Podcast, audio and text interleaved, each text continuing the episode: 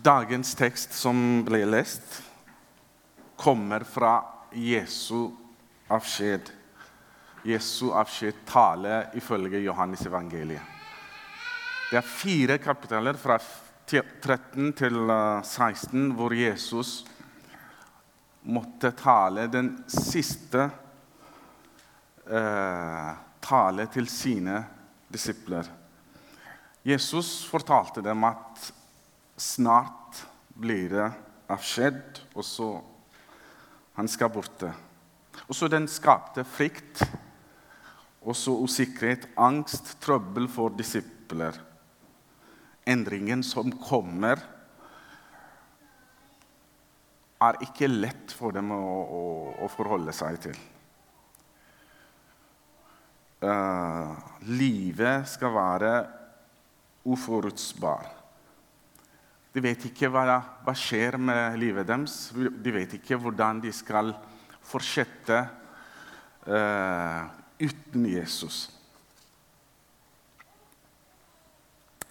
Ingenting er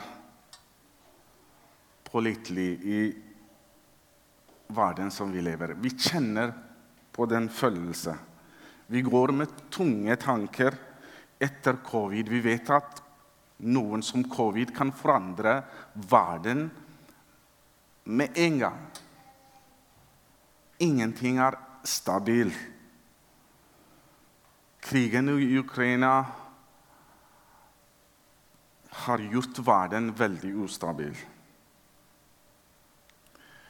prisen på ting, på varer, den stiger opp. Og så Vi vet ikke hvor den stopper.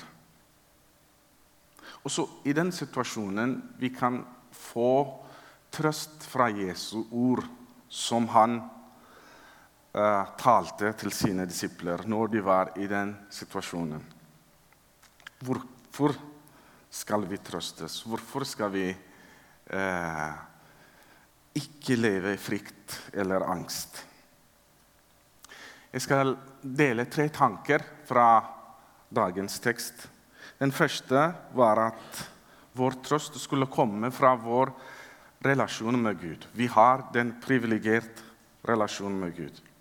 Hvis dere leser vers 23 Jesus svarte, sier det. Han svarte fordi han ble spurt av Judas. Hvorfor uh, du deg selv bare for oss? Og så Jesus sier, 'Den som elsker meg, vil holde fast på mitt ord.' 'Og min far skal elske ham, og vi skal komme og bo hos ham.' Vår relasjon med Gud er definert her som fars kjærlighet til oss. Han sier, 'Far skal elske ham'. Hvem er det som far elsker? Han elsker ikke alle, dessverre. Han elsker en som elsker Jesus, og så holder hans bud. Den som elsker Jesus, den som elsker meg, og så holder mitt bud. Det er ikke noe spesiell kategori som, som finnes som, som, Gud elsker blant troende. Det er Johannes sin beskrivelse for alle som tror. Autentiske troende ifølge Johannes er de som elsker Jesus, og som holder hans bud. Han har sagt mange ganger hvis dere går vid, uh, litt foran vers 15, og så sier dere elsker meg, holder dere mine bud. Vers 21. Den som kjenner mine bud og holder dem, han er det som elsker meg. Her også vers 23, og så vers 24. Den som ikke elsker meg, holder ikke fast på mine bud. Gud elsker oss. Det er den privilegerte relasjon som vi har med Gud. Men det trengs litt forklaring. Guds kjærlighet til oss er ikke respons for vår kjærlighet til ham. Hvis det har vært slik, ville ingen blitt elsket av Gud. Bibelen lærer oss at Guds kjærlighet er det som kommer først. Romerne brev kapittel 5 vers 8 for eksempel, sier Men Gud viser sin kjærlighet til oss ved at Kristus døde for oss mens vi ennå var syndere. Gud viste kjærligheten. Når viste han det? Mens vi var ennå syndere. Det var ikke av vår kjærlighet Gud begynte å elske oss. 1. Johannes 4, 19 også. Vi elsker fordi han elsket oss først. Derfor vår kjærlighet til Jesus er skapt på grunn av hans kjærlighet til oss først. Men vår lydighet å holde hans bud springer ut av vår kjærlighet til Jesus.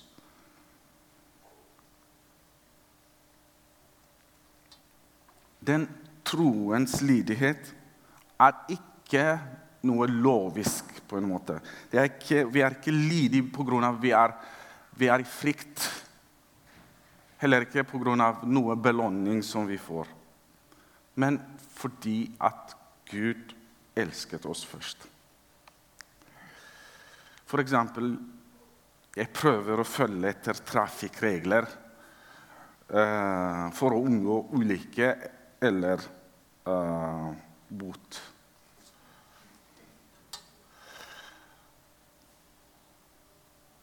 Jeg har ingen spesiell følelse for trafikkpoliti eller ingen affection til uh, Vegvesen.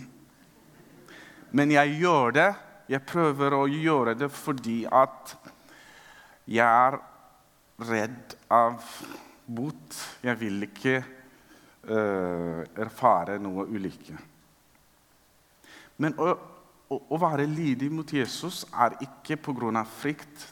Det er kjærligheten som, som, fører oss for å være ja til Han. Jeg tror dette er påminnelse om den dynamik, eh, dynamiske livet vi har i Kristus. Han åpenbarer seg. Han åpenbarer Guds kjærlighet til oss, og så vår kjærlighet vokser til Gud. Kjærligheten til Gud leder oss til lydighet. Og så de som er lydige, det er de som har relasjon med Gud. Hvis vi sliter med lydigheten, er det på tide å sjekke holdning på hjertet vårt. Hvordan er du i dag?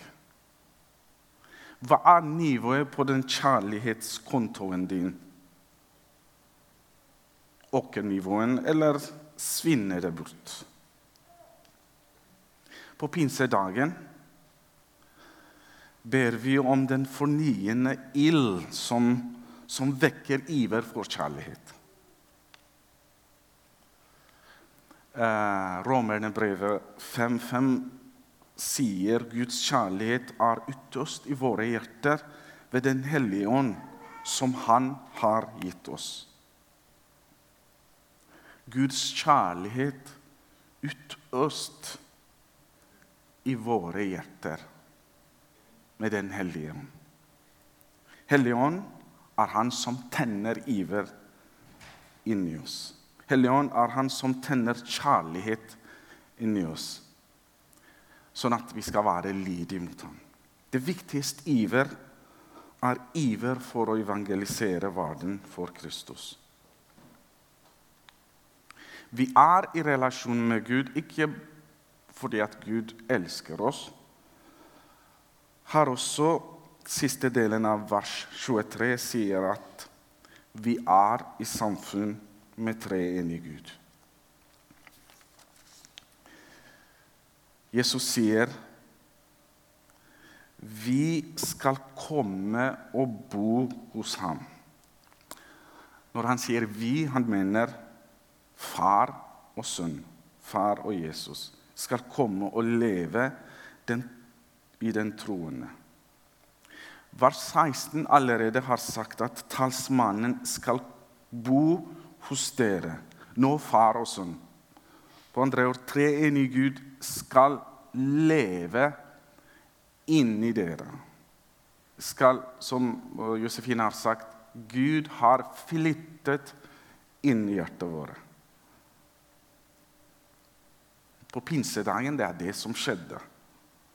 At Gud er i samfunn med oss. Vi er i samfunn med Gud. Gud er nær.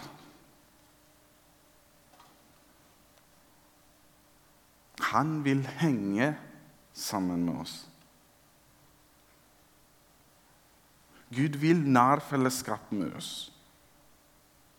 Det, var, det, har vært alltid hans plan fra begynnelsen. Når han skapte Adam og Eva i hagen, han vil være med dem. De vandret i hagen sammen med ham. De, Gud talte til dem, de lyttet etter ham. Det var tett relasjon. Som han, som de, de, levde i samfunn med Gud. Til syndefallen endret alt. Men mennesker også ønsker å være sammen med Gud. Noen sier at Babel, og bygging av Babels tårne er en del av menneskelig innsats for å oppnå Gud, for å, for å være sammen med Gud.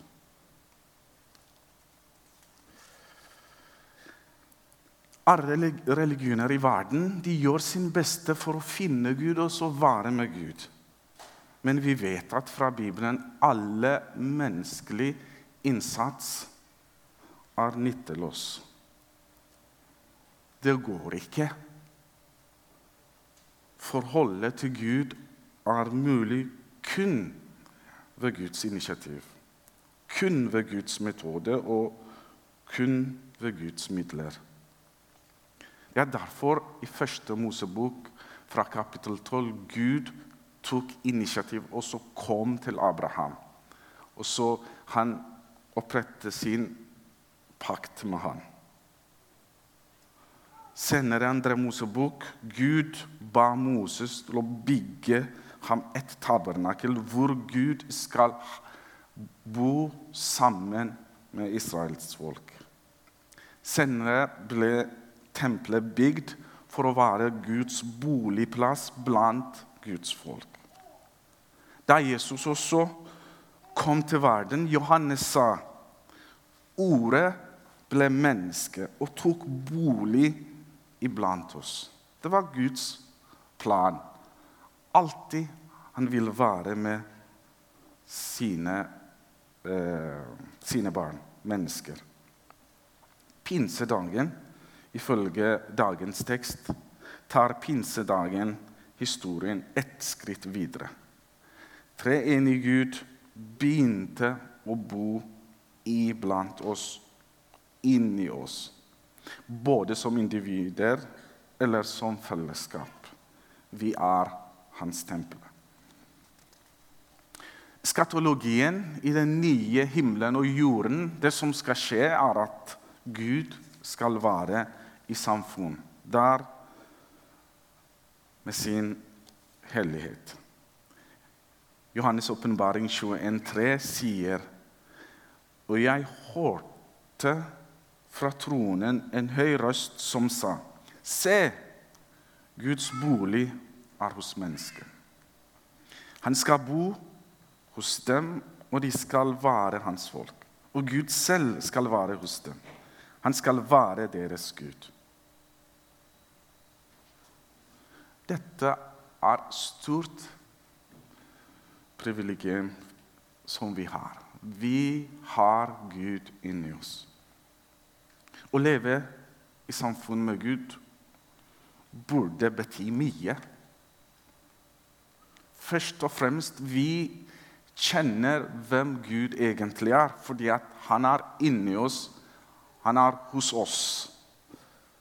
Jesus snakker om vårt samfunn med Gud i sammenheng med hans selvåpenbaring. Det betyr at vår kjennskap til Gud er veldig ekte. Det er håndgripelig. Det er ikke bare en abstrakt, dogmatisk formulering om Gud som vi snakker om. Han er ikke redusert til fine prinsipper det vi aksepterer mentalt. Gud bor inni oss. Gud er i samfunn med oss. Derfor, siden han er inni meg, jeg kjenner han. Jeg følger han. Jeg hører på han. Vi er ikke uh, foreldreløse barn. Vi er i samfunn med Gud. Talen om at Gud er i samfunn med oss, har også alvorlige konsekvenser for måten vi lever på. Våre handlinger, våre oppførsel, bør være verdig til den treenige Gud. Hellige Gud krever hellig bolig og hellig samfunn. Bitterhet, mangel på tilgivelse, misunnelse, stolthet, sladder, latskap kan skape ubehag for den treenige Gud. Det er ting som Gud ikke tåler. Ting som vi gjør som kan forfølge Hellige Ånd i hjertet vårt. Derfor vi må tenke hvis Gud er her, vi må bli renset av Jesu blod. Vi må ta i tak og dytte vekk og skyve vekk ting som er uverdig for den treenige Gud som er i samfunnet med oss. Gud vil gjerne ta den viktigste plass i hjertene våre. siden han er der. Vi må la han ha det. Talen om at vi er i samfunn med Gud, har også konsekvenser for vår tjeneste. Spesielt dere som skal ut som misjonærer. Vi vet at Gud er sammen med oss. Gud er inni oss. Gud er i samfunn med dere. Han virker inni dere, inni oss. Han virker sammen med oss. Det er ingen begrensning til det Gud kan oppnå gjennom meg og gjennom deg. Hvis Gud er inni meg, hva er det som kan stoppe han for å gjøre ting som han bare kan gjøre? Neste gang når vi følger svak eller motløs, husk at treenig Gud er i samfunn med deg. Den andre punkt som jeg har lyst til å ta opp, er at vår trøst i den vanskelige verden kommer fra våre hjelper, som ble nevnt på vers 26. Vers 26 sier men talsmannen, Den hellige ånd, som Far skal sende i mitt navn, skal lære dere alt og minne dere om alt det jeg har sagt dere. Talsmannen, en paraklet, er en som er kalt til å være ved siden for å hjelpe til. Han er på en måte alt mulig mann. Vi bor i borettslag. Og når vi har problemer med forskjellige ting, vi ringer til vaktmesteren. Han er hjelperen. Han kommer, stiller opp for alt som vi trenger. Talsmannen, ja, han er advokat. Han er lærer han er veileder, men han er mye mer. Han er hjelperen. Han er paraklet. Han er en som er der ved siden av for å hjelpe til. Livets vaktmester. Jesu disipler de, veldig, de føler seg veldig uro fordi at Jesus skulle dra. Og så Jesu avgang skaper stort tommerom. Det er på den situasjonen han sier, 'Jeg drar, men talsmannen skulle komme'. Helligånd skal komme og ta over som lærer. Hva skal han lære? Innholdet for læreren var Jesu ord. Han skal lære dere alt som jeg har sagt dere. Og så han skal minne dere alt som jeg har sagt dere. Innholdet er ikke alle ting som finnes på jorda. Det var Jesu ord. Det var det Helligånd skal lære dem. Hovedemnet er Jesus. Helligånd har kommet ikke for å preke om seg selv. Han kommer for å vitne om Jesus. Pensumet som Helligånd skal bruke, er Guds ord, ikke noe annet. Hva kan vi gjøre slik Helligånd skal lære oss, da? Vi må bli kjent med Bibelen.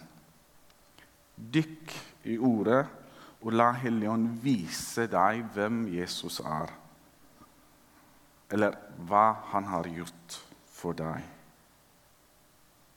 Helligånd kan ikke minne oss, kan ikke lære oss eh, hvis vi har ikke lest eller kjent ordet fra før.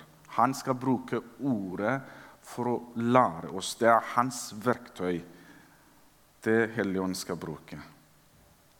Og så med Guds ord, med Jesu ord. Han skal lede oss til alle sannhet.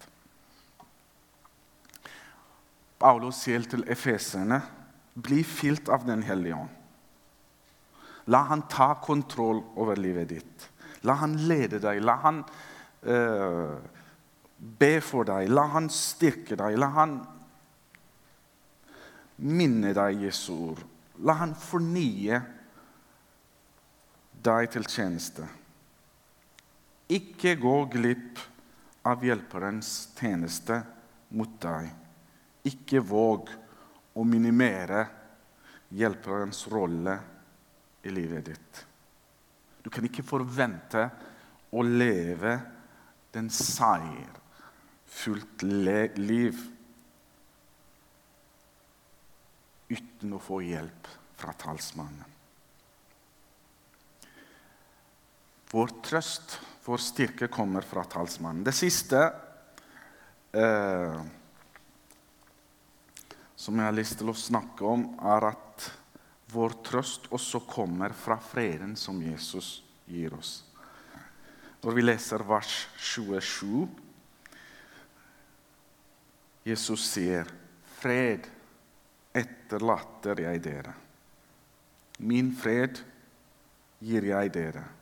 ikke den fred som verden gir. La ikke hjertet bli grepet av angst og motløshet.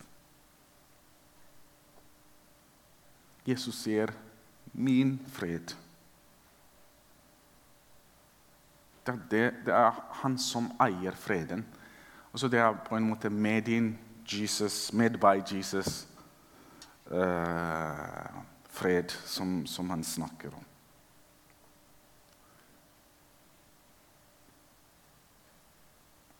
Hvordan eide han den freden? Den freden er Jesus skapt den freden da han døde på korset. Efeserne sier at han gjorde det ved å lege fiendskap mellom, vertikalt mellom Gud og menneske, og så horisontalt mellom medmenneskene. Jesu fred er også motivt mot angst og mot låshet. Det er, det er medisin mot, mot den alvorlige følelser som kommer til oss.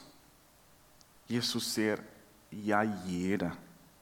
Jesu fred er også en gave som vi må ta imot. Spørsmålet er at har du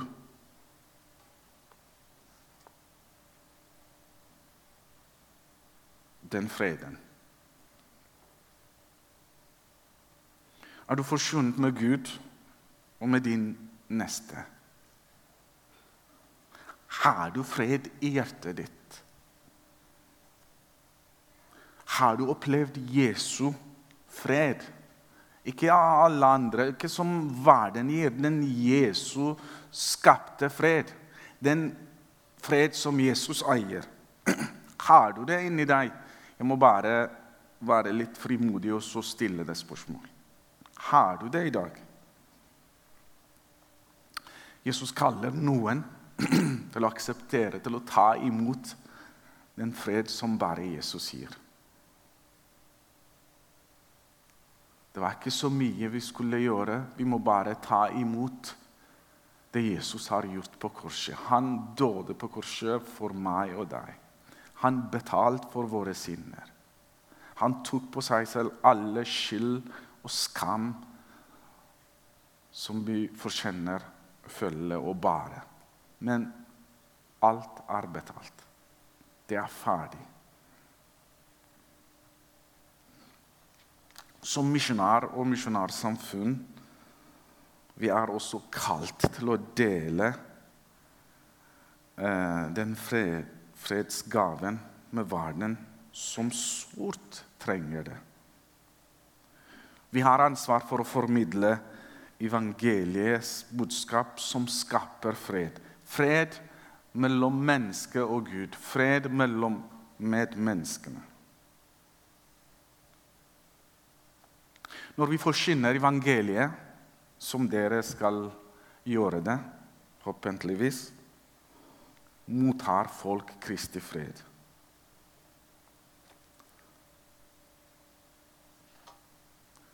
La oss alle være med og spre Jesu fred. Med ord og med gjerninger. La oss be. Takker og priser deg, vår Herre. Takk for at du er i samfunn med oss. Takk for at du har åpenbart treenig Gud til oss på den veldig nær, veldig ekte måte. Kjære far, jeg ber om at du skal hjelpe oss til å leve verdig for din tilstedeværelse. Kjære far, jeg ber om at du skal hjelpe oss til å være frimodig og forkynne den evangeliet som skaper fred som gir folk din fred. Vi takker og priser deg for alle som skal sende sende utsendingen, også de sendingene som skal gå i dag. Jeg ber om at du skal veilede dem, fylle dem med din Hellige Ånd, styrke dem med ditt ord, og så du skal beskytte og bevare dem. Vi takker deg i Jesu allmektige navn. Amen.